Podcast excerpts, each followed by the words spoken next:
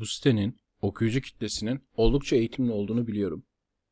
Ve bu cümleyi okuyunca bıyık altından hadi oradan sen de dediklerini de duyar gibiyim. Durun, acele etmeyin. Çünkü Galileo dünyanın yuvarlak olduğunu söylediğinde de pek çok kişi bıyık altından gülmüş, hatta çok daha beter şeyler yapmaya kalkmıştı. Bu arada Vatikan Galileo'yu 1993 yılında atladı. Bunu da küçük bir aranot olarak ekleyeyim. Kısacası yukarıdaki cümle, aydın ve aydınlık Türk erkeklerinin en temel inanışlarından birine saldırı gibi duruyor. Aynı Galileo'nun Hristiyan kilisesinin en temel inanışlarından birine saldırmış olduğu gibi. Daha amiyane söylemek gerekirse, babalar, siz o feminizm ve kadın hakları mavralarınızla hem kendinizi rezil ediyorsunuz hem de eşlerinizi mutsuz ediyorsunuz. Nasıl yani? Bakın anlatayım. Yaklaşık 30 senedir çevremdeki evli çiftleri ister istemez inceliyorum ve bunların çok mutludan çok mutsuza kadar değişik bir yelpazede dağılmış olduklarını görüyorum. İşin şakası bir yana, insan böyle bir yelpaze ile karşılaşınca bu mutluluk ve mutsuzluğun nelere bağlı olduğunu araştırmaya başlıyor. Örneğin izlediğim ailelerin en mutlusu, en çok para kazananı olsaydı ve en mutsuzu da en fakiri çıksaydı, bilimsel açıdan iş çok kolaylaşacaktı. Bana yıllık maaşını göster, sana ne kadar mutlu olduğunu söyleyeyim diyecektik. Ama bu kadar kolay olmadığını biliyoruz. Hatta para mutluluk getirmez türünden atasözlerimiz bile var. Halt etmiş kim söylediyse.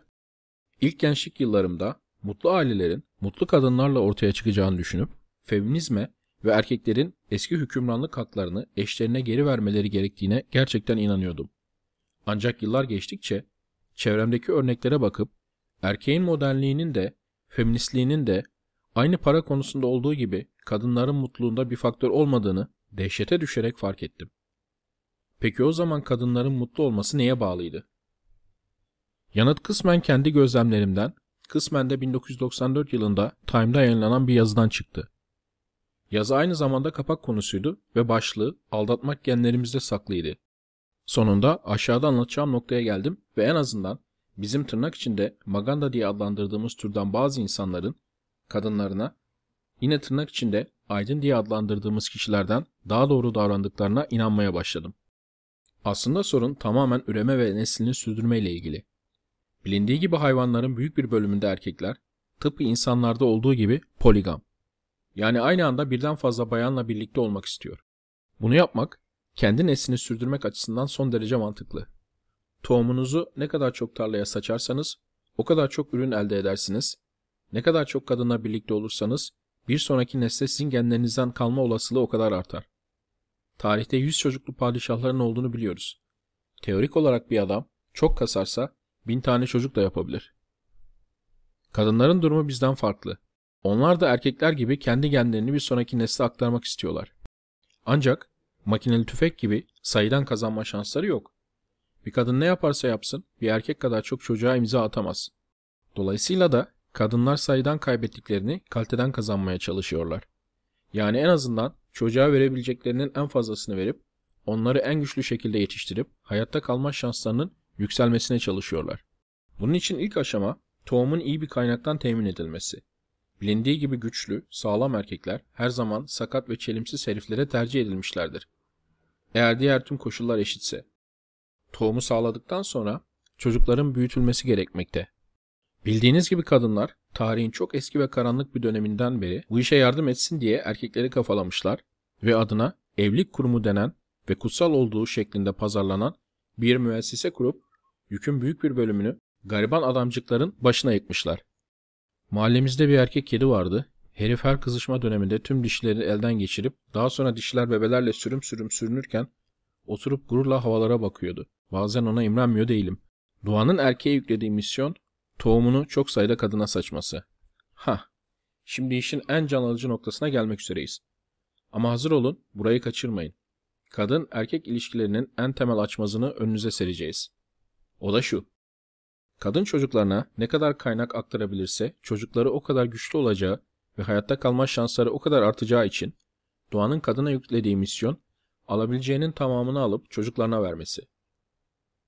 Bu cümlenin en korkunç tarafı aynı erkekteki gibi tatmin olması gereken miktarın açık olması. Freddie Mercury tam tamına 10 bin kişiyle yattığını söylüyordu.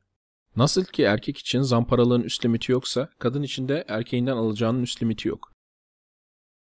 Olaya bir erkek gözüyle baktığınızda, eşinize mantıklı ölçüde bir şeyler sunup, onun mutluluğunu garantileme şansınız yok. Kadının huzura, dolayısıyla da mutluluğa erebilmesi için hayattaki misyonunu tamamladığına inanması, yani erkeğinden alabileceği her şeyi almış olduğuna inanması gerekiyor. İşin acımasız yönünün tekrar altını çizmek istiyorum. Yukarıdaki cümlede kadının alması gereken miktar belirtilmiyor. Kadınlar çok değişik seviyelerde mutlu olabiliyorlar. Eğer erkeklerinin verebileceğinin gerçekten aldıkları kadar olduğuna inanırlarsa, içgüdülerinin kendilerine yüklediği misyonu tamamlamış oluyorlar, büyük bir huzur buluyorlar. Fakir bir adamın eşi olarak mutlu olan, çok daha varlıklı bir adamla hem de adamın başka hiçbir faali yokken mutsuz olan kadın örnekleri her yerde o kadar çok ki. Kadınlar, eşlerimiz, bizim sahip olduğumuz her şeyi, paramızı, zamanımızı, hobilerimizi, çevremizi son derece doğal bir şekilde istiyorlar. Bunları isterken de hiçbir sıkıntı hissetmiyorlar. Çünkü milyonlarca yıllık işlerine iyi işlenmiş içgüdülerine uyuyorlar. Aynı bizim çevremizdeki her güzel kadına iştahla bakmamız, hatta bazen de kaçamaklar yapmaya çalışmamız gibi. Peki ne yapılması gerekiyor? Bu soruyu sorduğumuzda ilk baştaki Maganda konusuna dönmüş oluyoruz. Yani şimdi biz de Maganda mı olalım? Hayır, Maganda olmamız gerekmiyor. Ama Magandaların her şeyi yanlış yaptıkları saplantısından kurtulup onları incelememizde hatta bazı davranışlarından ders almamızda hiçbir sakınca yok. Öncelikle bir kadınla evli ya da uzun bir ilişki içindeyseniz verebileceklerinizin sınırını çok iyi çizin ve bu sınır aşıldığında ölümü bile göze aldığınızı çok açık bir şekilde belirtin ve gerektiğinde uygulayın. Bunu söylerken eşinizin pestilini çıkarın demiyorum. Aksine ona verebileceğiniz kadar güzel bir alan bırakın. Bunlar neler olabilir? Aksine ona verebileceğiniz kadar güzel bir alan bırakın. Bunlar neler olabilir?